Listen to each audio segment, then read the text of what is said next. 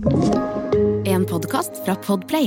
Nei, men bare En ting som jeg syns er veldig gøy, idet jeg kommer inn døra her, det tenker jeg at det lover veldig godt for det som skal skje nå ganske snart, altså nå om noen få sekunder. For det, de orda jeg hører da, det er liksom først eksoplanet, og så nei, nei, mørk materie. Da tenker jeg Da har vi satt standarden. Ja, ja, ja, ja. Vi snakker om det som er bra her. Three, two, one. When liftoff. One, two, three, four, five, five, four, three, two, one. Enter bed. Okay, we checked all four systems, and there you go on modulation, all four, and keying with a go. Tranquility base here. The Eagle has landed. Og eh, hei, kjære ørevenn. Dette er eh, Romkapsel, dine favorittørevenner in all things space. Og hei, Eirik. Eh, Hei, hei. Veloppdratt eh, og sier hei. Um, så må vi jo si at eh, liksom all things space, så er jo det som på en måte har overskygget nesten all things space i det siste halvannet året, nesten, Mhm. kan vi si det, er jo uh, James Webb.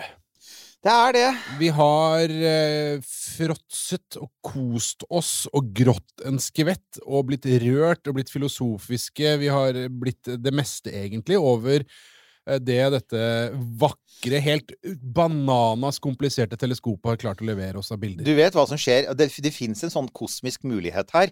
Litt som når to nøytronstjerner kolliderer og smelter sammen. Og det var hvis vi brakte den personen i Norge som blir mest rørt av James Webb, som er vår Ja, Ja, Kristoffer. Ja, Kristoffer Schau. herregud. Som bare alltid er på gråten. Og dagens gjest, Ja. som vet alt om James Webb, og som jeg tror har et litt mer sånn nøkternt forhold til det, men som kan si alt det vi Så jeg tenker for sånn Det der, der det, vi, må ta, vi legger noen planer. Ja, her, det tenker jeg kunne blitt eh, Det tror jeg kan bli en legendarisk, fordi at Da må vi spørre. Håkon Dale, hei, velkommen. Det er så gøy å ha deg her igjen. Ja, du har Ja, vært Altså, tusen takk. dette har sagt Altså, igjen sånn Kan dere snart Kan dere snart få han som kan noe om James Webb, til å komme til Ja da! Men, Men så ja. La meg bare spørre før- aller først, Håkon. Denne ideen som, som Eirik kaster ut eh, her nå, eh, har du tidligere på en måte møtt noen som nærmest ville kysse skoene dine? Nei. Nei, men da tror jeg vi har et potensial der. Her har vi et program. Dette blir bra. Fra, fra dette her Det er notert. i- i- i Og dessuten så er det to, det er to stykker som alltid blir etterspurt. Ja. Kan dere ha mer med prikk, prikk, prikk? Ja. Så det der høres Ja. bra ut. Ja. Men herre fred, Håkon. Er det lov å bare starte sånn? Det har vært, eh, vært en grei tid for deg siden sist. Ja, det ramler jo inn med data, både sånn mer alt eh, Alle slags mulige objekter fra nære, nære ting i vårt eget solsystem til de fjerneste galaksene har vi fått data på, og så eh, Det er jo generelt, altså andre brukere, og så har jo den gruppa jeg er med på, også fått eh, data som er eh, ja, ikke sant? For sist du var her, så var, du, så, så var jo det et viktig poeng. Altså at du er jo direkte involvert i dette. Du er jo ikke akkurat noen sånn ekstern observatør.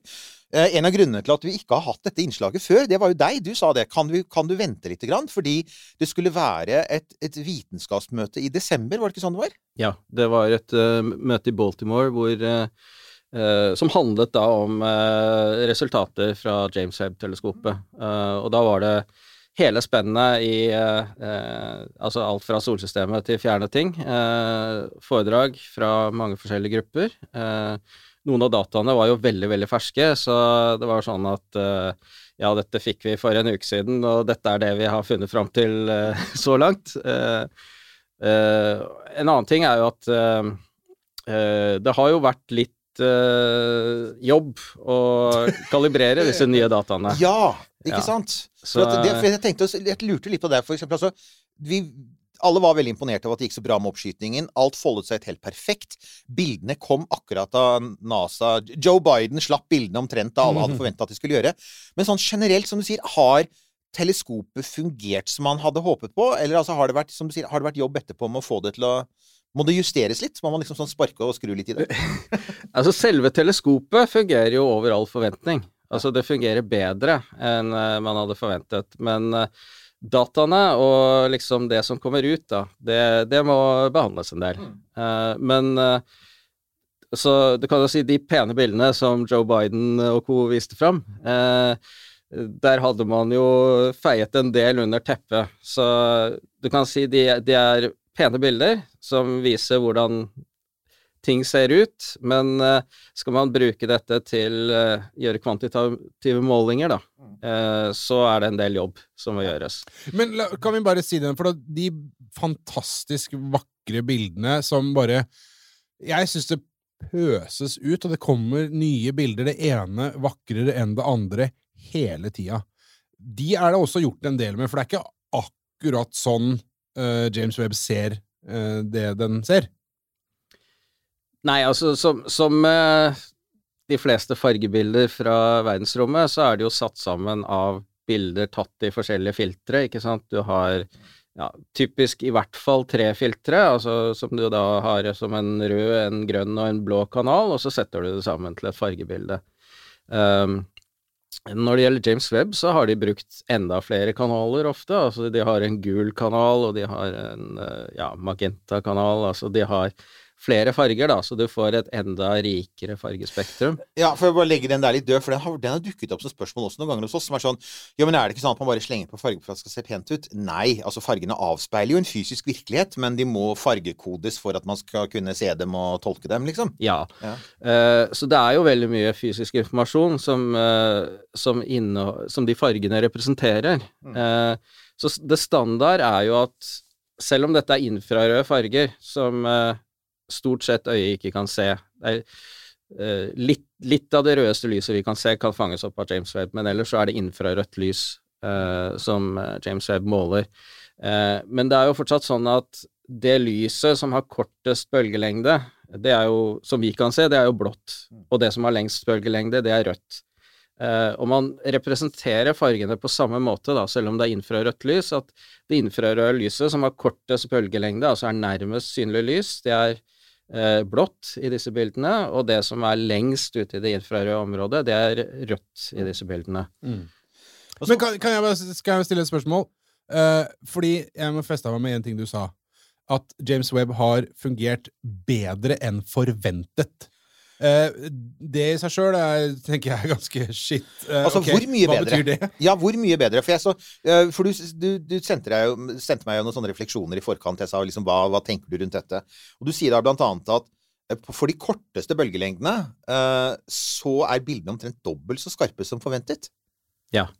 Så eh, Det, det er ikke lite, da! Nei, det tenker jeg her er det Ja. Det, Eller kanskje jeg skal, heller skal si de er dobbelt så skarpe som lovet. Ja. Fordi dette er jo da ingeniører som til syvende og sist eh, er litt konservative. De lover ikke ting som de ikke vet de kan holde. Og spesifikasjonen var at på en bestemt bølgelengde, som er sånn cirka fire ganger lengre enn det lyset vi kan se med det blotte øyet, eh, så skulle bildet være så skarpt som det kunne få blitt ut fra optikkens lover. Altså størrelsen på speilet, da er det som setter skarpheten som er teoretisk mulig. Og det var liksom målet. Eh, men når man går til kortere bølgelengder, så vil det jo da være teoretisk mulig å, enda, å gi enda skarpere bilder. Altså det går som én eh, én over bølgelengden, da. Eh, invers med bølgelengden. Så eh, på, på halvparten så eh, så eh, lange bølgelengder, så kunne man da få dobbelt så skarpe bilder i teorien. Ja. Men i praksis så var man ikke sikker på om man klarte da å slipe optikken godt nok, at liksom alt ville være godt nok justert eh, til at man skulle få til den teoretiske eh, presisjonen, da, eh, teoretiske skarpheten. Men det har man da klart. Wow.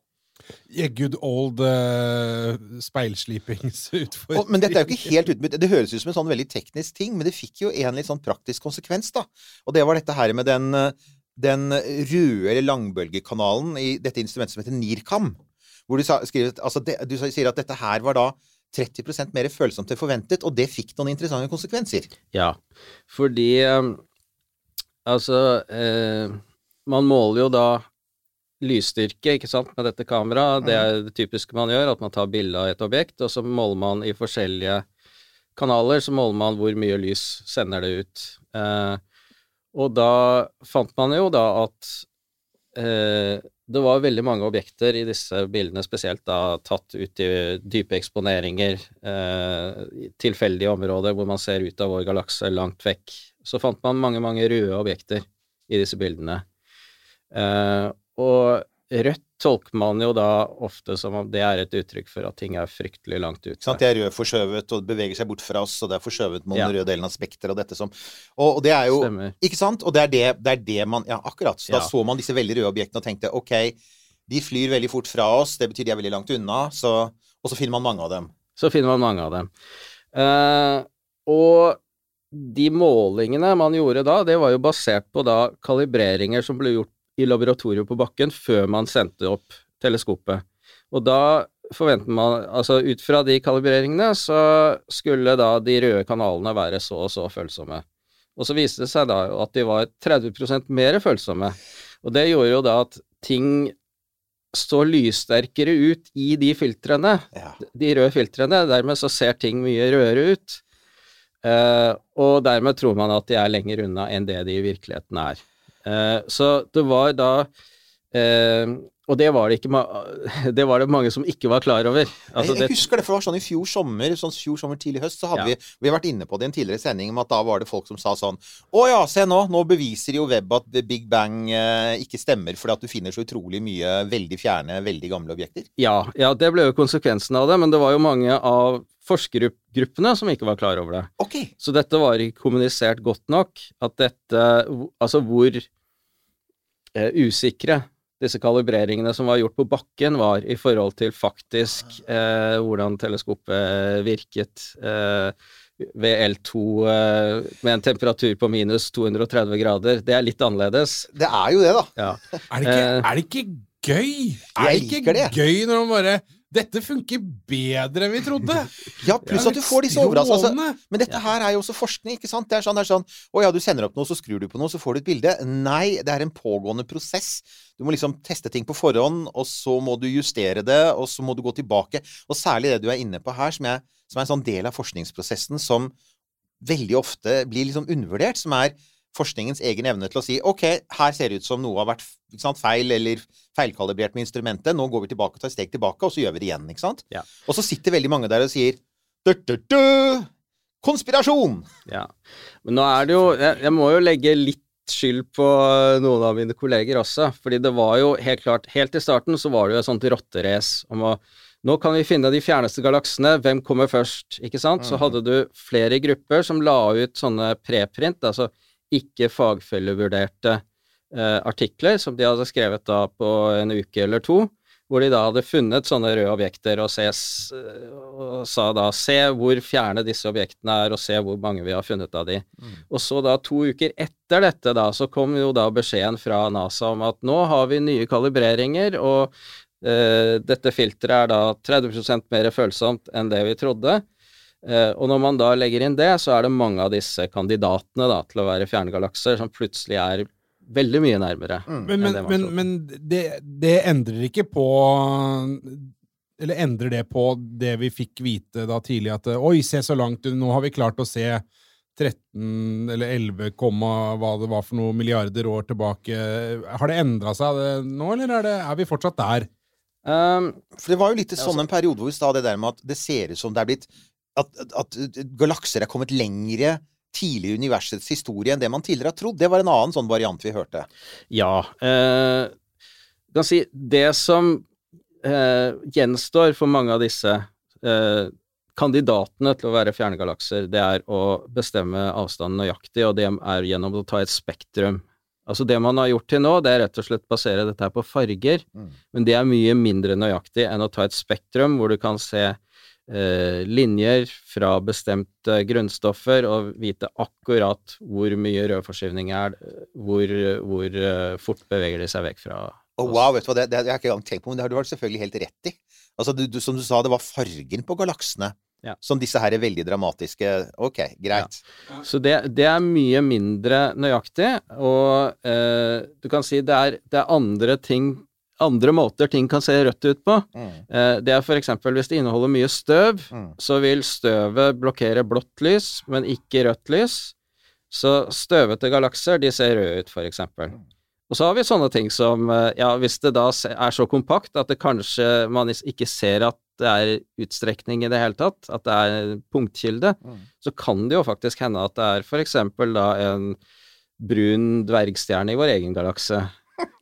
Som er rød. Ja. Fordi de er jo da veldig kalde, eh, disse stjernene. De er jo ikke ordentlige stjerner, du har ikke kjernereaksjoner eh, hvor hydrogen brennes til helium, så da er de såpass kalde at de sender ut mesteparten av strålingen på infrarødt lys.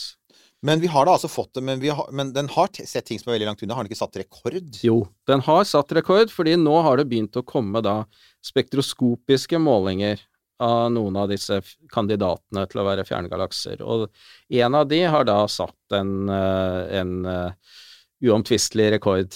Eh, Så da ser vi altså tilbake til da universet var ca. 330 millioner år gammelt. Ok, det er, det er, det er, altså, og det du ser er, det man ser er en galakse, ikke sant? Man ser, man ser, altså ser man, ser ut som den har stjerner, altså Ja, altså, det, det, det er jo et veldig, veldig lite objekt, så det er Ja. eh, så vidt det er utstrakt at det ikke er en punktkilde, da, eh, i bildene. Og så har man da tatt et spektrum som viser da eh, Altså, det man ser, er at eh, man ser at på bestemte bølgelengder så er strålingen fra dette fjerne objektet blokkert av hydrogengass. Akkurat. Så eh, da kan man ut fra hvor den blokkeringen skjer, da, så kan Ja. man finne ut hvor langt unna det er. Men ok, her, nå, her er det prosess. Nå lurer jeg litt på prosess. Fordi, eh, La oss ta for eksempel det, da, hvor man skal avgjøre om dette er, er dette en dverg, eller hva- er det for noe. Eh, et bilde, altså et bilde som vi har sett, som vi har sett eh, Det dukker stadig opp i Facebook-feeden min, ikke sant? for der har jeg James Webb, og der har jeg NASA, og jeg vet Shit, dette her er jo dritvakkert. Det er det jeg kan se på dette bildet. Men eh, deg og dine, da. Et sånt bilde. Hvor lenge sitter dere og stirrer på det? Hvor mye data er det i et sånt bilde? Hvor lenge jobber dere med det for å finne ut mest mulig? Ja, det kan være i månedsvis. Altså eh, Det kan Spesielt når man da eh, skal drive med det jeg holder på med mye, og studere gravitasjonslinsing, altså hvordan Der kom det ordet igjen! ja, Altså, vi, vi, vi, Ja, ja, vi kommer dit. Vi, vi, ja, vi må det. Vi kommer- vi Vi skal dit. folkens. Det er det. Men ja. ja, we're getting there. Yeah. Ja. Ehm, da handler det mye uh, Altså, det man ser da, det er jo at lys blir bøyd på grunn av tyngdefeltet til uh, eksempel en galakse eller en hop av galakser. Og hvis vi da ser på ting som ligger rett bak, på linje, men rett bak, så vil da lyset fra de fjerne objektene bli bøyd rundt denne tunge galaksen og fokusert mot oss. Og det gir en slags eh, Ja, det fungerer som en slags forstørrelsesglass, da, som, men som også forvrenger litt bildet av disse galaksene. Eh, så hvis vi da ser på sånne bilder av en galaksehop, for eksempel, så ser vi også bilder Altså, det var jo det første bildet som eh, Joe Biden viste, det var jo nettopp det. Et bilde av en galaksehop, og så så man da disse buene oh, ja. eh, som da er fjernere galakser som er blitt da forvrengt av denne gravitasjonslinseeffekten, og forstørret opp. Eh, og sånt bilde som det der kan man jo jobbe med i månedsvis, for det inneholder utrolig mye informasjon. Og, og da er det også sånn, da, fordi at det forstørrer, betyr det også at man på en måte kan se Man kan bruke den forstørrelsen til å hente ut data man ikke hadde Altså, altså kvalitet på data som man ikke hadde fått hvis man hadde sett den direkte? Altså nettopp fordi det er blitt forstørret, eller er det Ja, ja. Så det man så i mange av disse forstørrede galaksene, det var jo sånne klumper. Og de klumpene, det er rett og slett da stjernehoper. Altså sånn som disse kulehopene da, som vi har i Melkeveien. Eh, det kunne man da se i en yngre utgave i eh, disse fjerne galaksene. Ja, For det er et av disse store spørsmålene som man jo dealer med i forbindelse med Big Bang, når du sier eksempel at vi har nå en galakse med stjerner 330 millioner år etter smellet. Så er det jo også sånn Altså, altså Stjerner og galakser trengte litt tid på å utvikle seg, ikke sant? Så det er jo også noe med det at jo, altså, det skal være et tidsrom fra universet oppstår, og alt bare er en glødende mølje, og til de kjøles ned, og til du får liksom atomer og gasskyer, og til de begynner å danne stjerner. Og du har ikke det, det tar jo noen millioner av år å komme i gang med det også, så det er litt fascinerende at man pusher det sånn stadig lenger tilbake i tid. Ja. Eh, ja, så som jeg sa, rekorden nå, det er altså 330 millioner år etter starten. Eh, så Big Bang regner vi jo med var ca. 13,8 milliarder år. Så eh, snakker om siden. 13,5 milliarder år gammel galakse. og det er en ting å tenke på her, folk. Så det er at de, de stjernene vi ser på det bildet, er jo Ja, de fleste av dem er jo for lengst slukna. Ja, stjernene, de eh, man ser, de som sender ut mesteparten av lyset man ser, de er, De eh, er det. ja. Ja. 1202. Ja, ja, men altså, bare det, bare et sånt, en sånn ting som det Jeg skjønner greia med lysets hastighet og alt det der, men bare det at Nei, de stjernene vi ser, de finnes ikke lenger. Altså, Så, men hvorfor ser vi da?! Altså, deres, altså, det er jo det, altså, det er jo noe med at han øh, Altså, I see dead people, ikke sant? Det er litt den der Ja, følelsen der du har. ja, ja, ja. Du sitter og ser på døde ting hele tiden. Apropos døde ting, altså, så er det jo svarte hull, da. Altså, Webb har jo bidratt litt der også, allerede.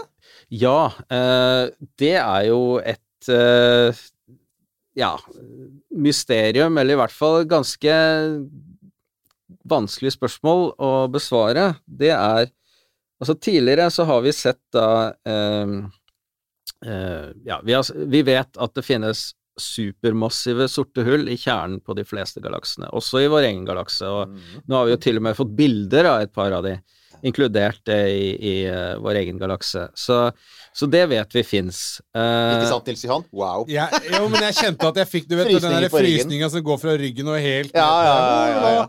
Den Ja. kom der når, når, i det Håkon sa supermassive svarte Ja, hull. vi har til og med bilder av det, sier man rolig. Vet du. Altså Ja. de, og de største man har funnet, altså der snakker vi om mer Altså de inneholder mer enn ti milliarder eh, ganger solas masse. Eh, de største man har funnet av disse sorte hullene. Eh, men eh, spørsmålet man stiller seg, er jo hvordan disse har vokst, ikke sant, og blitt så samlet så mye masse. Eh, og det tar tid. Eh, og i hvert fall hvis man tenker seg at man starter med et sort hull som dannes når en massiv stjerne, da, kanskje som har ti- 100 ganger solas masse, når den dør, så vil det kollapse og bli til et sort hull. Eh, og det, det har vi observert eksempler på, og, og, så videre, og, og man har også da observert gravitasjonsbølger fra sorte hull som kolliderer, så vi, vi vet jo at det eksisterer sorte hull i den størrelsen sånn opptil 100 ganger solas masse. Ja, ja, ja, ja. Ja. Men hvordan gå fra 100 ganger solas masse, hvordan skal det liksom vokse seg opp til 10 milliarder ganger solas masse? Eh, det er det én ting, men at du får 10 milliarder år eh, Nei, 10 milliarder ganger solas masse i løpet av de 13,8 milliarder årene Ikke sant? Det kan du liksom universet har eksistert. Hvis du eter en sollignende stjerne i året, så er du liksom Da kommer du dit. Ja, men problemet vi har, vi har, det er at hvis vi ser da igjen på høy rødforskyvning langt ute, så ser vi da tilbake til da universet var ja, mindre enn en milliard år gammelt, kanskje bare syv, seks-syv hundre millioner år gammelt, så, så har man da sett også veldig massive sorte hull. Kanskje ikke 10 milliarder, men over 1 milliard solmasser. Eh, og det man har sagt før James Webb, det er at ok, de målingene man gjør så langt ute, de er så usikre. Så kanskje det bare er 100, noen få hundre millioner solmasser, og da er det litt lettere å få det til at de skal vokse seg så store. Men ehm, nå har da James Webb observert noen av disse ekstremt massive sorte hullene langt der ute, og funnet ut at nei da, de er så massive. Eh, det James Webb gjør, det er at, de, at eh, den har målt da hastigheten til gass som beveger seg rundt dette sorte hullet, som da gir et mye mer nøyaktig mål eh, enn man har hatt tidligere på massen til disse sorte hullene. Og bekreftet at de er så massive. Så da er liksom det store gåten er hvordan blir de så store så kjapt? Ja, og da altså fins Jeg får, eh, unnskyld, jeg får eksistensiell angst av å høre, samtidig som jeg kjenner at jeg blir litt opphissa. Ja, altså det Black hole boner. Men, eh, men altså eh, Det tenker jeg sånn Er det, er det ha, Har man noen hypoteser? Altså, for det som du sier, det er jo eh, For vanligvis så tenker man seg vel at du tar god tid til å sånn Altså, igjen var det, altså, Sorte hull er som en sånn I gamle dager så hadde amerikanerne et eh, De hadde produkt som het Roach Motel. Once they check in, they never check out. ikke sant? Når du først havner nedi der, så, så, så, så sjekker du ikke ut igjen. Og, og det er en sånn en, en, langsom prosess. Men fantes det, var det noe som Det var ikke noe i selve det store smellet som på en måte kunne ha akselerert prosessen og, og sørget for at man liksom endte opp etter smellet med st- store svarte hull eller noe sånt eller har alt skjedd? Um, ja, det er nok kanskje noen mer eksotiske eh, ideer om at, at det kan ha skjedd. At, Ja. du, at det kan faktisk dannes uh, Dannes sorte hull allerede i en tidlig fase i, i Big Bang. For det var jo voldsomme krefter og enorme mengder materie involvert, så det er liksom ikke helt hinsides. Nei, altså det, det, det er mulig å få til det. Uh, men det er nok uh, Altså, man har eh, mulighet for å da eh, bruke gravitasjonslinsing for eksempel til å lete etter sånne For eksempel. Til å lete etter om det er du kan si frittflytende sorte hull, da, ikke sant, som ikke er i sentrumen av en galakse. Eh, og der har man ikke funnet noen sånn klare indisier så langt. Kan jeg bare si at det er så langt kanskje det skumleste jeg har hørt eh, noen gang i denne podkasten. Det er frittflytende svarte hull. Oh yeah. Oh yeah. er bare sånn, nei, fri agent som bare litt her og litt der, og svopp, og spiser litt der. Ja. Men jeg tenker, når du da har Altså, jeg vet jo at det har vært en sånn diskusjon om hvilken rolle disse supermassive sorte hullene spiller i galaksers utvikling. Ja. Ikke sant? Altså, er, er de store altså, For jeg har liksom tenkt, ok, er de store svarte hullene et produkt av en galakse som har levd lenge og hatt et sort hull i midten, og så har det bare blitt tjukkere og tjukkere, som man gjerne blir med årene? Eller har som, Her får man liksom følelsen av at å, vent, de kan ha vært der veldig tidlig. Kan sorte hull også har vært med på å trigge store galakser, er egentlig da det jeg spør om. Ja, eh, og der er også eh, James Webb i stand til å gi et veldig Ah. stort bidrag.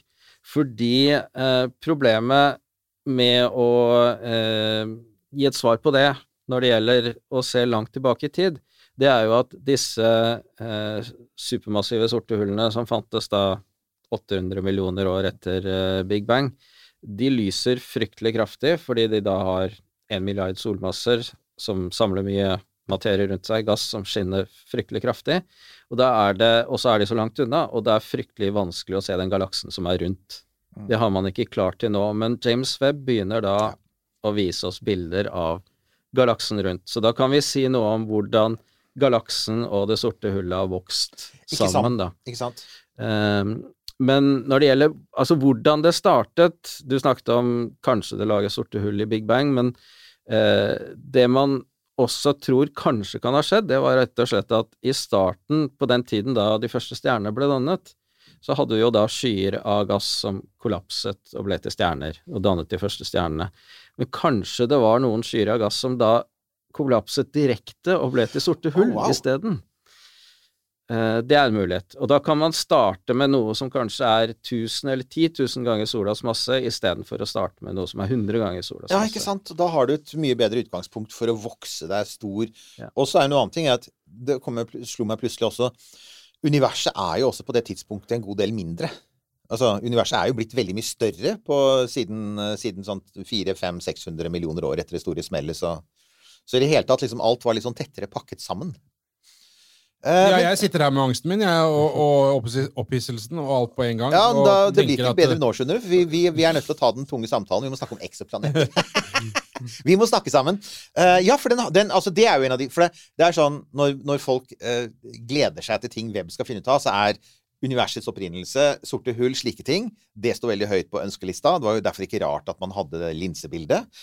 Eh, da man presenterte det først. Og det andre man, man hadde jo også på de aller første bildene fra i fjor en eksoplanet. For der forventer jo folk veldig mye av, av web. Og, og, og hva, har, hva har skjedd der siden vi snakket sammen sist? Ja, altså for det første så er jo da eh, Igjen så er jo da følsomheten til instrumentene bedre for Ja. sånne typer målinger. Og sånn omtrent dobbelt så god, eller altså signalstøyforholdet er omtrent dobbelt så godt, da. Eh, dobbelt så bra som man, man eh, lovte på forhånd. Eh, og det, resultatene som har kommet så langt, det er i første rekke så handler det jo om resultater for planeter som er en del større enn jorda. Så det er mer sånn type Jupiter-Saturn-størrelse. Og det man finner, det er jo at man finner stoffer i atmosfæren som man ikke har funnet før. Eh, og det er spesielt én eh, planet som man har publisert resultater for, som heter WASP39b. Den er også et navn, Bucca Prins, tror jeg. Oi, ok! Ja. Det, Og, det, den, og det er en såkalt hot Saturn, så der fikk du excitement-greia di. Ja, ok.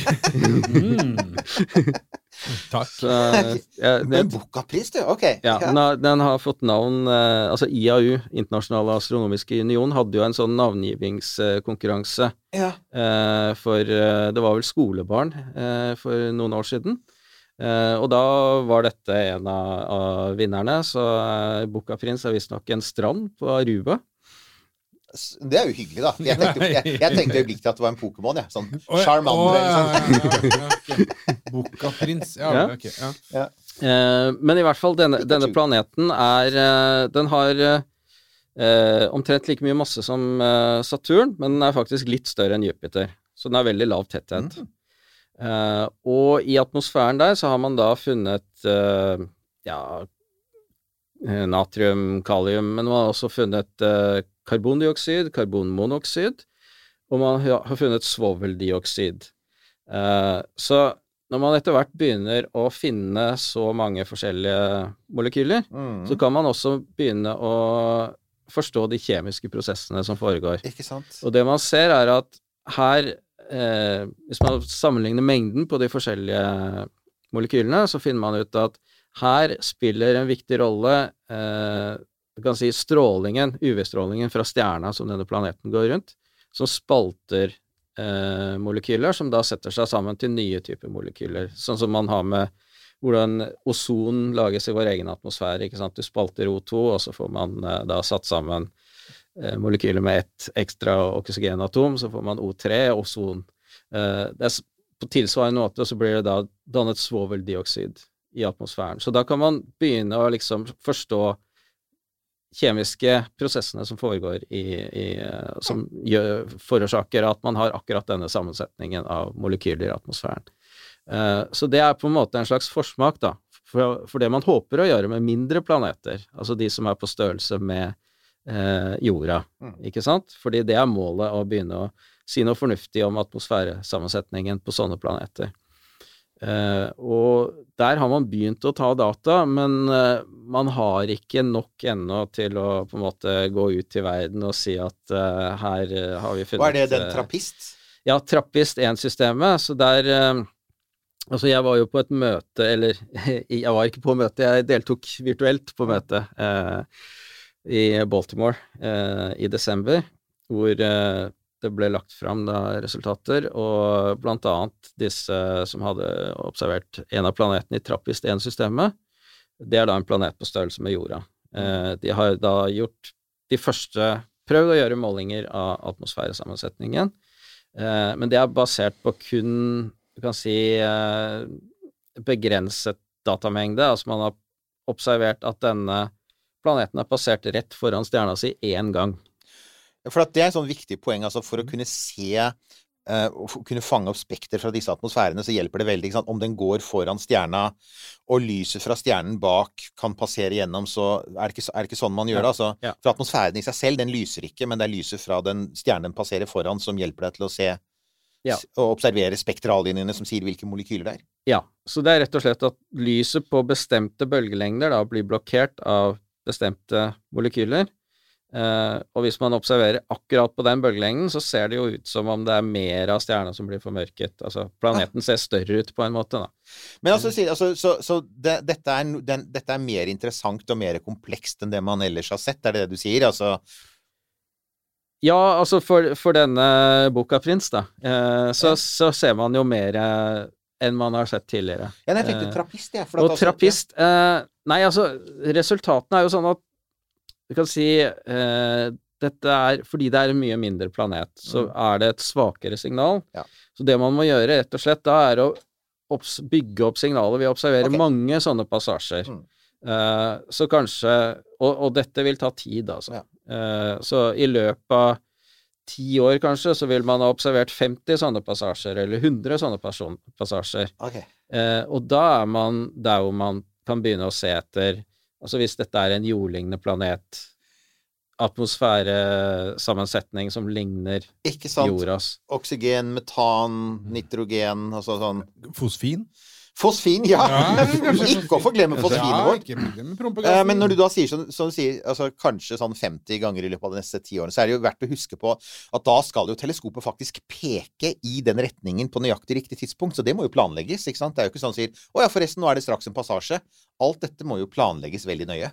Ja da. Det er jo sånn Eh, som vi snakket om sist, at hvert sekund på det teleskopet er jo faktisk allerede Ja, så det er jo et puslespill som legges sånn for eh, Ja, eh, i detalj for eh, to uker av gangen. Mm. Så eh, for eksempel da, de prosjektene jeg er involvert i, de har jo da fått et vindu og sagt at ja, disse observasjonene vil bli tatt mellom april og juni, for eksempel. Og så da to uker før de faktisk blir tatt, så får vi da en melding om at uh, det blir tatt mellom det klokkeslettet og det klokkeslettet den dagen. For, for sist du var her, så hadde, da hadde dere fått data, ikke sant? Eller dere var i ferd Eller hvordan var det? Eller var dere i ferd med å få data? Uh, nei, vi hadde ikke noe data sist jeg var her. Nei. Men, Um, men åssen er det nå? Åssen ligger det an med, med det, det, det, det du jobber med? Jo, altså vi har altså Jeg er involvert i tre prosjekter, og for det ene så har vi fått mesteparten av dataene. Eh, For de to andre så har vi ikke fått data ennå, men eh, ja, det begynner antagelig forhåpentligvis å komme i, januar. Ok. Senere Senere nå i januar, da.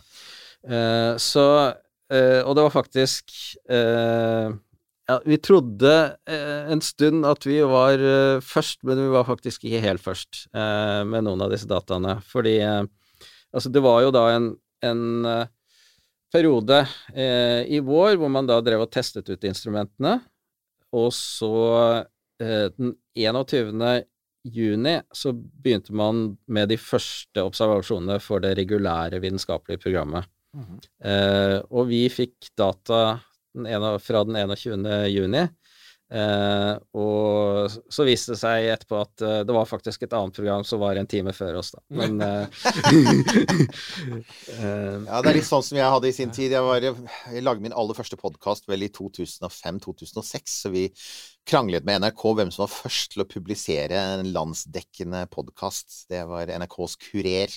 Så jeg husker jeg kjenner litt på den der. Ja. Det var smertefullt. Du, ja, det var det. Ja, du Ja, det var smertefullt. på det. ja, ja. Vi kranglet med NRK i årevis. Ja, ja, ja, ja, det, Nei, nei, men, men du, jeg lurer på, har dere, er det sånn at dere også har søkt på mer? At dere er, altså at, for man søker, ikke sant? Man søker om, man søker om tid, rett og slett. ja, så det, er- det er en frist en gang i året. Mm. Så eh, neste frist er jo nå i slutten av måneden, så ja, vi kommer til å søke om mer Ja. tid. Eh, men eh, vi har jo mye å jobbe med allerede, Ja. med det vi har fått. Eh, og det har jo kommet en del interessante ting ut av det. Eh, Nei. Så altså det, det vi har blant annet funnet, da, det er eh, Igjen så ser vi på gravitasjonslinsing. Altså det er sånn gjennomgangstema for det jeg driver med. Eh, Det er ikke feil, det. På ingen måte. så, så vi har sett på en galakse blant annet som ligger da uh, hvor vi ser uh, ja, 12,4 milliarder år tilbake i tid. Uh, og den er forstørret opp sånn at vi eh, kan se da detaljer inni galaksen. Eh, og vi har blant annet observert på bølgelengder da, som er følsom for en type molekyl som kalles for PAH. Det står for eh, polysykliske aromatiske hydrokarboner. Eh, de er da, du kan si, ringer av eh, karbonatomer som er flettet inn i hverandre, og så har du hydrogenatomer som er festet i de. Får jeg noe, for jeg får- en sånn litt sånn jeg, jeg, Så det tenkte jeg Tenker jeg nå på sånn mathelseråd og sånne ting? Ja, det gjør du, Ikke fordi eh, Altså poly PAH-er, da, som vi kan kalle Ja. det for, kort, eh, de eh, molekylene finner du da i sigarettrøyk, og du finner det i grillmat som er stekt litt lenge. Ikke sant? For det jeg tenkte Så det er, det er, er akkurat den derre der Er sommerkoteletten. Ja, ja, er det sånn der Å er, nei, eh, dette må du ikke, for da får du kreft. Ikke grill Altså, de din for lenge. alienene som bor der, har det ikke bra. Men ja. Men ja så det er ja, Ja, så uh, det som er interessant med det, det er blant annet at uh, de spiller en ganske viktig rolle når det gjelder planetdannelse. Fordi de eh, skjermer eh, Hvis du har en sånn skive hvor det er i ferd med å omkring en nydannet stjerne, hvor det er i ferd med å dannes planeter, eh, så eh, vil den skiven bli utsatt for eh, intens ultrafiolett stråling fra nydannede stjerner i dette området. Eh, og disse molekylene vil da skjerme for den infrarøde strålingen og sørge for at denne skiven da ikke fordamper, men blir værende der og kan danne planeter. Så at de er der Nemlig. så langt ute, så tidlig, det betyr jo da Det er liksom én sånn brikke i puslespillet om at kanskje planeter ble dannet veldig tidlig i universets historie. Ja. 1202. All this because of uh, det fantastiske gravitasjonslinse. Jeg elsker det ordet. Ja, så tenker jeg bare sånn, sånn universet gir og universet tar. Altså PAH. Ja. Gir liv, tar liv. Ja, og det er akkurat som havet, det. Havet gir, og havet tar. Altså, det er, eh, så det man da kan si, at det er bra for universet å røke og grille grillmaten litt hardt. Så har jo mange av oss også vært litt opptatt av altså, Det var et av de første spørsmålene vi fikk inn til oss. var sånn, ja, men, men altså, Web kan vel rettes mot hva som helst. Så hva med, hva med solsystemet? ikke sant? Jeg så for ikke så lenge siden noen fantastiske bilder av Titan. Det har jo tatt bilder av Titan, altså eh, Saturnmånen Titan, som jo er, har massevis av eh, metan i atmosfæren og sånne interessante sjøer og alt mulig. Og der hadde jo Web tatt noen skikkelig fine bilder. Ja. Eh, fine bilder av Titan. Eh, den har også tatt bilder av eh, Enceladus, denne månen til eh, Saturn. Ja, ja. Eh, så ja, hvis dere husker fra bildene fra Cassini, så så man jo da disse geysirene, eller Ja. hvor det sprutet ut av eh, materiale fra denne undersjøiske, under, underjordiske sjøen. Eh, den sjøen som befinner seg da sannsynligvis under overflaten av is på denne månen. Eh, og det James Webb har sett, det er liksom at en sånn sky da eh, sør på den, altså utenfor den sørlige delen av eh, månen, eh, som strekker seg mye, mye lenger utover. Som da sannsynligvis er slikt materiale fra disse geysirene på den sydlige halvkulen til, eh, til denne månen. Så det du kan si eh, Det James Webb har, det er jo at den har spektrografer med mye høyere oppløsning og mye bredere bølgelengdedekning enn du hadde på Cassini. Så da kan man analysere videre da, dette materialet som da kanskje sannsynligvis stammer fra denne underjordiske sjøen på eh, er, jeg syns det er fint eh, at eh, man bruker James Webb også til å kikke litt på nabolaget. Det blir som eh, det teleskopet du har på verandaen sjøl, som du innimellom bruker å spionere litt på naboene med. Og det syns jeg er fint. For det, det, jeg føler at eh, selv om det er, det er langt av gårde, og titan og sånn, det er jo, det er jo det er ikke sånn at vi reiser dit på en, på en svipptur. Så føles det litt nærmere enn eh, 13,2 milliarder år tilbake i tid og ting man må se gjennom en gravitasjonslinse. Eh, Så det, det, det føles litt tryggere å se på de tinga. Det gjør det. Altså har jo altså Det har jo også sånn relevanse for oss, for eksempel for dette her med liv, da. For som du sier, det er geysirene fra Enceladus. Det har jo vært folk som har spekulert på om det kanskje er en tilsvarende situasjon på Enceladus som man har mistenkt på Europa, Jupitermånen, at under isen så er det et lunket hav, og kan det finnes organiske ikke sant, Noe levende der. Ikke nødvendigvis noe stort, men kanskje bakterier. Og det er klart at hvis det da spruter ut ting fra det havet, så kan det være interessante ting å finne i de skyene. Så, så det er det med altså, å rette et stort teleskop mot en sky utenfor en måne ved Saturn.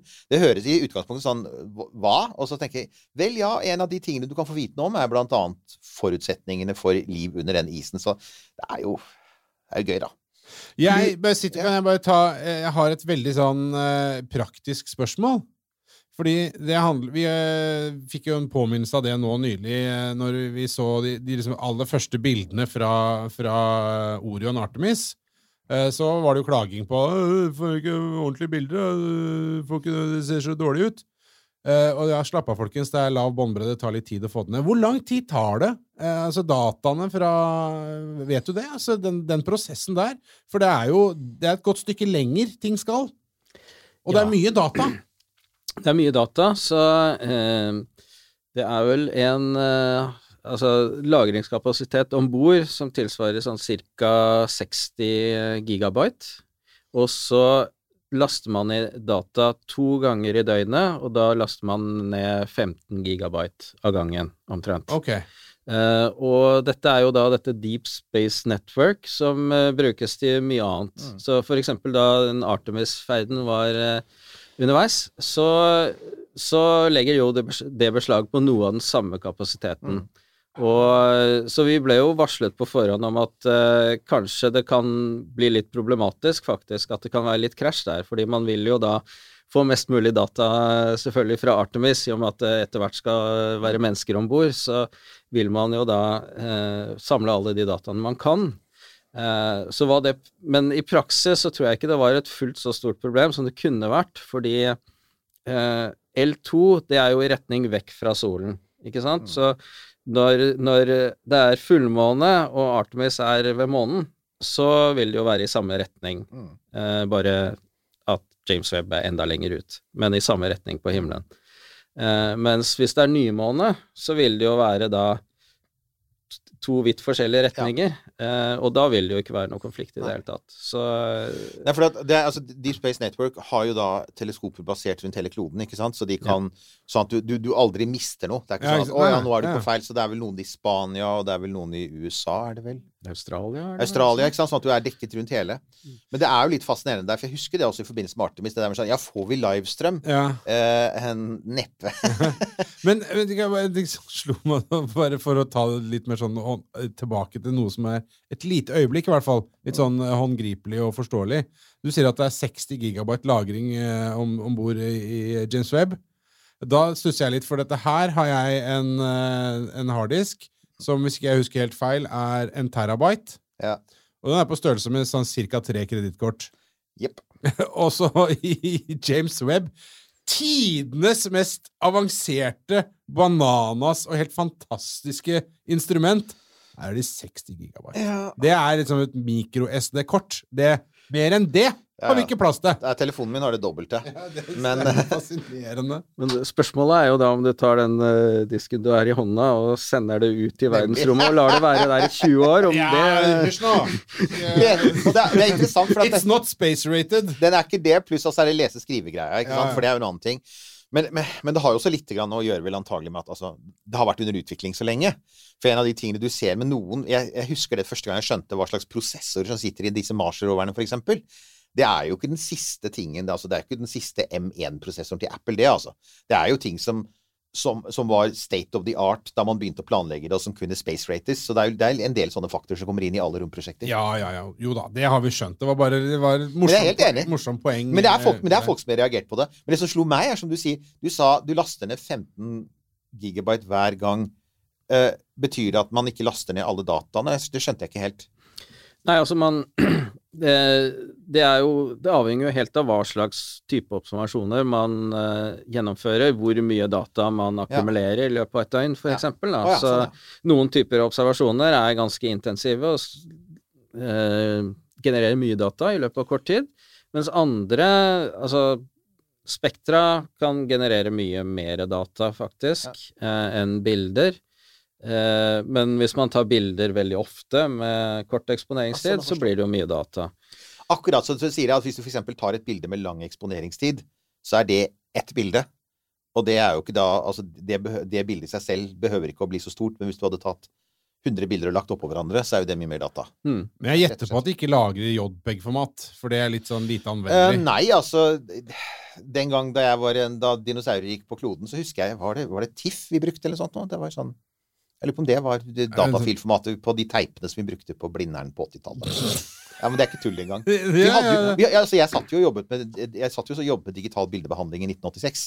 Uh, på et tidspunkt da folk ikke skjønte hva det var i det hele tatt. Og jeg husker jo, jeg lurer på om ikke det var det det var tagged image file format eller noe sånt, at det var et ganske populært format. Ja, eh, det er jo Altså, der mister man nok Altså, det er jo ikke komprimert, altså man mister jo ikke noe Nei, ikke sant? For det, for det er det man vil ikke komprimere, ikke sant? Ja, ja. Eh, så man har et annet format som er tilsvarende, da, ikke komprimert, som heter FITS. Som Ja. FITS, ja. Det er, ja. ja. det, nemlig. Ja, nei, det stemmer. Ok. Jeg tror det var på vei inn da jeg var på vei ut. Ja, ja, ja. Fikk akkurat ikke med deg den. der. Nei, jeg- Nei, jeg er så gammel. Ja, uansett. Uh, men, uh, men da, altså, vi har jo um, Jeg syns jo igjen, for, for komme tilbake til denne den her prosessen rundt måten bildene kommer ut på, som vi var inne på, ikke sant? Dette med du, som du sa, dette med uh, 'don't put it on Twitter', var jo en sånn du sa om den der eh, konferansen i Baltimore. Uh, og at man skulle være litt forsiktig med å bare strømme det rett ut. Ja, altså det aller meste er jo strømmet ut, og det, du finner jo på YouTube de aller fleste foredragene på, på det møtet. Men så er det da noe du ikke finner, og det altså disse eksoplanetfolkene, da, Mm. spesielt de som hadde sett på Trappist 1, de ville ikke ha dette ut til Altså, de mente at sannsynligvis at de ikke var klare for å presentere dette til eh, generelt publikum ennå. Fordi jeg tror det var flere ting. altså For det første så hadde de fått dataene én uke før. Så det, altså de kan jo ha gjort noe feil i prosesseringen som gjorde at de plottene de viste, faktisk eh, må mm. revideres ganske kraftig. Eh, og det andre er jo at det er jo så vanvittig mye interesse for dette her. Det er det som er hele poenget. ikke sant? At Hvis du sier 'her har vi oppdaget noe interessant', så spisser alle ørene med en gang og, Og sier 'å, kultene begynner å dannes, og folk begynner å Det er mye Mer ute altså. tinnfolie. Og altså, det er jo gro- grobunn for ganske mye interessant, eh, og ikke fullt så interessant her. Ja, eh, men altså det de hadde å vise fram, det var egentlig ikke så interessant, egentlig, fordi de hadde fått bare en liten del av det, den datamengden de forventer, og det de trenger for å kunne si noe fornuftig. Så det eneste de kunne gjøre, var egentlig å si at på denne planeten så har du ikke en uh, tjukk atmosfære bestående av hydrogen. Mm. Uh, så Og det er klart, det, det sier jo da noe, og det sier jo da at de ikke har Det hadde jo i grunnen vært kjedelig hvis det hadde vært sånn, ikke sant? Ja. Fordi da, da er den mye veldig annerledes enn jorda, og Mm. du har sannsynligvis ikke mulighet for liv der. Og så må man på en måte jobbe, ta i observasjoner og observasjoner for å bedre signal til støyforholdet, da, så man gradvis får fram Ja. For det er en sånn ting som veldig mange Og jeg husker altså eh, da, jeg, i sin tid studerte dette, de dataene som vi jobbet med Jeg hadde jo eh, medstudenter fra andre institutter, annet fra kjemi. Eh, Og kjemikere var helt sjokkert over den kvaliteten man er vant til å jobbe med i astronomi. For det, det er ofte veldig støyrike data. Og du må ofte samle mange bilder eller mange spektre over hverandre på lang tid for å liksom sånn gradvis se om det dukker opp noen bumps som er interessante. Ja. Så her er det sånn at du, du har en atmosfære. Det er ikke en hydrogenatmosfære, og så må vi la det gå en stund før vi, vi må samle inn mer data. For, ja. Ja, Og det er jo fryktelig frustrerende på en måte da, at du har Her antar du For jeg antar nå igjen, jeg antar at eh, måten dere gjør dette her på, Håkon, er at dere sitter og altså, ser på disse bildene som dere har fått eh, fra teleskopet, og har noen spektrogrammer og noen sånne type ting.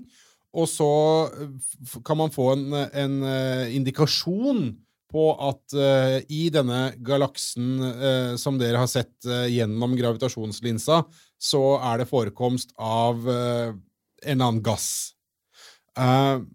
Og så er det støy i bildet, og man er ikke helt sikker, så man kanskje trenger ytterligere data for å eventuelt bekrefte dette. Og så må man sitte og vente på neste gang man får data, og det kan jo da, som vi skjønner, ta litt tid.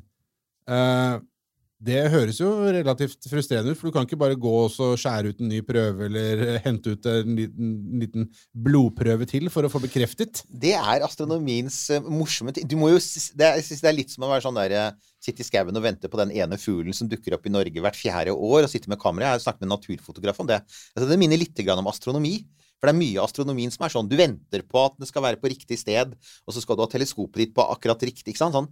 Så det er jo det, ja. Ja, eh, det eneste fordelen da, det er jo at eh, med romteleskoper så slipper du i hvert fall å bekymre deg for været. Ja! Du kommer til å ha klarevær når neste gang Trappist 1B, eller hva det heter for noe, er på riktig sted. Så så sant uh, web fungerer og alt er i orden, så kommer den til å, den kommer til å få det med. Det er sant, da. Det er en, og når vi er inne på det, altså Ok, vi har web, men det kommer jo Det er jo flere ting på gang, er det ikke det? Jo, eh, så det web gjør, det er den suverent best på, og helt unik på, eh, når det gjelder detaljerte studier av eh, himmelobjekter i infrarøde områder Men det web gjør, det er jo å se på et bitte lite utsnitt av, eh, av eh, himmelkulen. Altså eh, kamera på web eh, Ja, det, det er jo flere kameraer, men de dekker da bare opp til en femtendedel av diameteren til månen på himmelen. Eh, så det er et bitte lite utsnitt. Eh, så det eh, Unnskyld, unnskyld nå. Altså, alt det vi har fått sett så langt fra James Webb, er eh, en femtendedel av månens areal. Ja, på himmelen. Ja. Ja, så det er litt igjen, da. Så det er litt igjen. Ja. Uh, og det man da ønsker som et supplement, det er jo på en måte kartleggingsteleskoper, ikke sant, som kan dekke store deler av himmelen og finne interessante objekter som så web kan studere i detalj. Ja, ja. Så inntil nå så har jo sånne ja, inntil nå så har jo disse speiderteleskopene, eller kartleggingsteleskopene, de har jo vært på bakken. Eh, men kommer man ut i verdensrommet, så får man jo da skarpe bilder, og man får bilder eh, på andre bølgelengder enn det man kan eh, måle fra jorda, fordi de blir blokkert av atmosfæren. Så eh, det man da har på trappene, det er faktisk tre sånne kartleggingsteleskoper, eller vidvinkelteleskoper, da, som tar du kan si i en eksponering så dekker man et område som er større, litt større enn fullmånen. Eh, Altså snakk om mer enn 100 ganger eh, arealet som eh, James Webb dekker. Eh, så da er det tre teleskoper. Det første er Evklid, som eh, vi i Oslo er med på. Eh, det er et ESA-prosjekt. Det skal vi komme tilbake til, by the way. Det, det tviler jeg ikke på. Ja, det må vi. Eh, så det blir sendt opp med en Falcon 9-rakett i sommer. Åh. Eh, Og, det, og den er da Men den skal da Den skal ikke ut under Lagrange-punkt, skal den vel? Eller? jo, den skal til L2. Den skal L2. også det! Ja, den skal Ok, også. så det blir er- også en sånn der lang ferd. Ja, Ok, Uh, den skal til L2, og så Det begynner å bli Ja, crowded det der ute. fullt til L2. Hei på deg. Clean up in L2, clean up. Ja, ja, ja. Eh, og så har amerikanerne et teleskop som er en del større. Det er på størrelse med Hubble. Eh, det er speildiameter 2,4 meter. Ja, for at du, Nå nevnte du Hubble, fordi, fordi jeg da noen som spør seg Men kunne du ikke bruke Hubble til det? Men Hubble er vel også et sånn som fanger opp et ganske lite Dessuten er gammelt. Altså, man kan jo ikke basere Man kan jo ikke basere fremtidens uh, utforskning av himmelen så mye lenger, da, selv om Hubble er oppe og flyr. Nei, altså Problemet med Hubble er at det er akkurat like, like lite felt Ja, som, eh, som James Webb. Ja, Eh, la meg bare, bare understreke det, for at James Webb, eh, som du sier, altså, det er et felt, og det, det er ikke sånn at det kan ikke flytte på seg. Det er der, der hvor linsa peker, er der hvor linsa peker. Det kan ikke Eh, flytte seg rundt og holde på, liksom. Hvordan, hvordan er det? Uh, jo, altså eh, Det er jo områder Den kan jo da peke Den kan jo da mappe ut et område ved å ta mange eksponeringer sånn fra Som dekker et område, og så er området rett ved siden av, og så Ja, okay. området rett Ja, okay. Så kan man Ja. Og Hubble-teleskopet har jo gjort det, og mappet ut området som er sånn omtrent dobbelt så stor som eh, Eller mer enn det, faktisk. Eh, seks ganger så stor som fullmånen.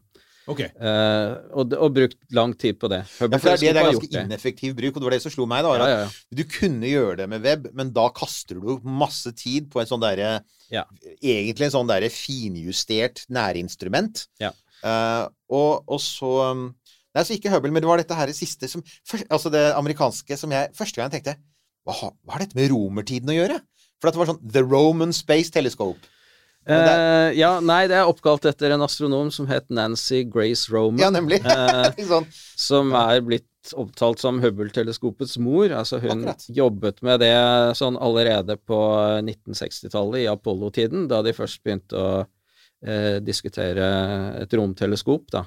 Eh, så jobbet hun masse med dette, og utvikle konseptet videre, som så ble til Hubble. Igjen, romprosjekter har veldig lange utviklingstider. No shit. Eh, og det er da snakk om eh, det snakk, Men det er noen år til det sky- skytes opp. Ja, det er nok eh, ja, Jeg har hørt 26, men det blir nok 2027 antagelig. Og så har vi denne lille Altså har vi det kineserne sitt. Ja. Men eh, kan jeg først si noe om det Ja. amerikanske? Det er jo litt artig. Fordi Ja. dette da eh, Det snakker om hvordan få et stort felt. Da må man justere optikken.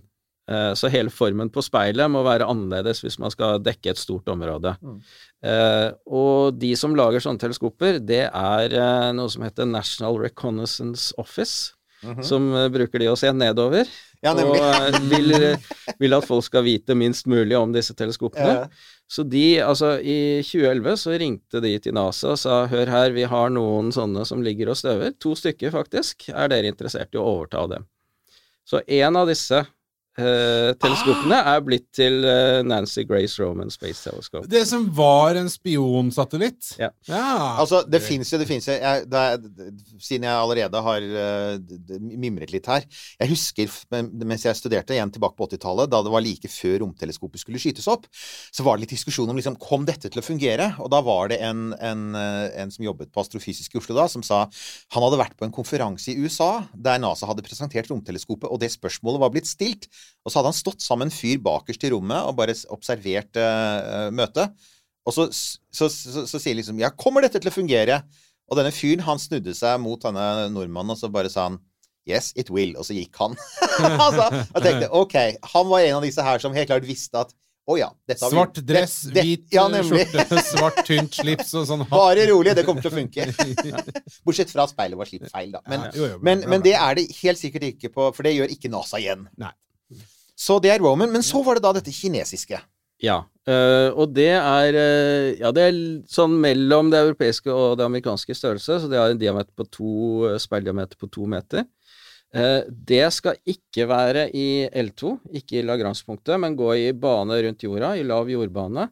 Og det skal faktisk gå i en bane som er ganske lik banen til romstasjonen. Det er, li, det er litt interessant, da. Ja. For det betyr at de faktisk kan De har jo mulighet til å vedlikeholde de. Stemmer. Så det skal da ha muligheten til å gjøre en sånn rendezvous, da, hvor de eh, møter, møtes opp til eh, romstasjonen og dette teleskopet, og så kan astronautene dra over og fikse på teleskopet og bytte instrumenter, slik man Kamera i begge ender, hører jeg. Mm. Men, men det der, der er egentlig altså, jeg, det, det var jo Det husker jeg jo, altså, det er en av de tingene som var, var u- problematisk med Hubble i sin tid, var jo nettopp det at, at det gikk så høyt oppe. At det var jo eh, at det var vanskelig, og det var jo faktisk ganske sånn kluntete å reparere. Så at man da har en sånn Altså at man bygger et teleskop for at det faktisk kan vedlikeholdes. I så måte så har jo da dette Shuntian, eller hva det heter for noe, det har jo da mer av det som du har på et teleskop på jorda. Ikke sant? Bakkebasert teleskop. Der kan du liksom sånn bytte ut instrumenter, og du kan reparere og fikse. Mens ja, Men altså, forresten, Roman-teleskopet, er det lavjordbane, eller er det Nei, det er i L2. Enda mer? Altså, L2. L2, sier jeg bare. det er der det skjer. It's, it's the place to hang Ja, out. det Men det kinesiske kommer til å Det har kamera i begge ender, det er jeg ganske sikker Ja, nei, altså du, Hvis man har sett Kineserne er eksperter på å gjøre honnør i vektløshet. Jeg har sett det, det er en sånn der, De viser om filmer Jeg følger eh, noen av disse kinesiske statskontoene på Twitter. Eh, og det er alltid litt fascinerende, for det er sånn i forbindelse med store høytidsdager, og når partiformannen viser seg sånn, så så gjør de sånn honnør, og så svever de sånn ranke, og så sånn på, på linje. Så jo, nei, jeg tenker Men det, det er jo ikke noe nytt, da, fordi romstasjoner, altså de tidlige sovjetiske saluttstasjonene, var jo også egentlig bare kamerastasjoner. Ja, De var jo egentlig kameraplattformer. Ja øh, Ja, ja nei, vet du hva? Altså, jeg s- har eh, nytt å høre eh, på dette, og så har jeg en observasjon er at det, det er ikke så ofte Eirik er så stille som han har vært i denne episoden, eh, og på en måte lar folk snakke snakke ferdig. Så det, det må jo bare være all honnør til, til deg, Håkon, og, og ditt arbeid og Ja. det du kommer og forteller. For. Men altså, det er Når vi ser bildene, så tenker jeg at herregud, Hubble er kjempefascinerende. Og så blir det jo hundre ganger mer fascinerende når du hører om det faktiske arbeidet med denne, disse dataene, disse bildene som kommer derfra. Så jeg blir bare helt sånn Ja, eh, som sagt, jeg blir litt eh, engstelig. Jeg får, eh, får eh, eksistensiell angst, og så blir jeg litt opphissa eh, og utrolig fascinert. Altså, jeg får litt sånn Og det er jo igjen fordi at jeg har, jeg har liksom levd lenge nok til å se hele utviklingen. Og det er sånn What a time to be alive. Fy søren, så mange instrumenter det fins nå. For nå, vi, vi, altså, vi har vi har, En av de tingene vi har forsømt oss litt på, er å snakke litt mer om de Det er massevis av teleskoper. Eksempel alle eksoplanetteleskopene som har vært skutt opp, og alle disse som har sett på mikrobølgestråling og UV. Altså, det er så mange romteleskoper. Jeg husker jo det, det var en periode hvor det liksom var sånn Og endelig så kommer Hubble, for vi har liksom bare hatt et par stykker opp, ikke sant? Og nå snakker vi altså Nå har du nettopp nevnt tre som er underveis, underveis for å først og fremst fylle dette, denne funksjonen her. Og ta sånn brede bilder av himmelen. Ja, som ikke bare er på papiret. Nei, nei, ikke sant? Det, det, det, er i ferd med å skje. er kjempekult. Yes! Nei, nå må vi puste. Uh, må vi uh... Komme opp for uh, luft. Ja, det, det tror jeg vi må, for det er supermassive sorte hull og alt det der. der. Og igjen, altså, tusen takk for Jeg vet at uh, i eh, 2022 så ble krymflasjon kåra til årets nyår, nyord. Men for meg så er det gravitasjonslinser Ja, som er eh, årets nyord, så takk for det, Håkon. Og du, du er selvfølgelig hjertelig velkommen til å rapportere mer om en stund. At, altså, det, og det, jeg regner jo med i løpet av 2023, så regner jeg jo også med at vi vil få høre ting om web, ting som web gjør, som Tenk hvis de ser morsesignal! For eksempel.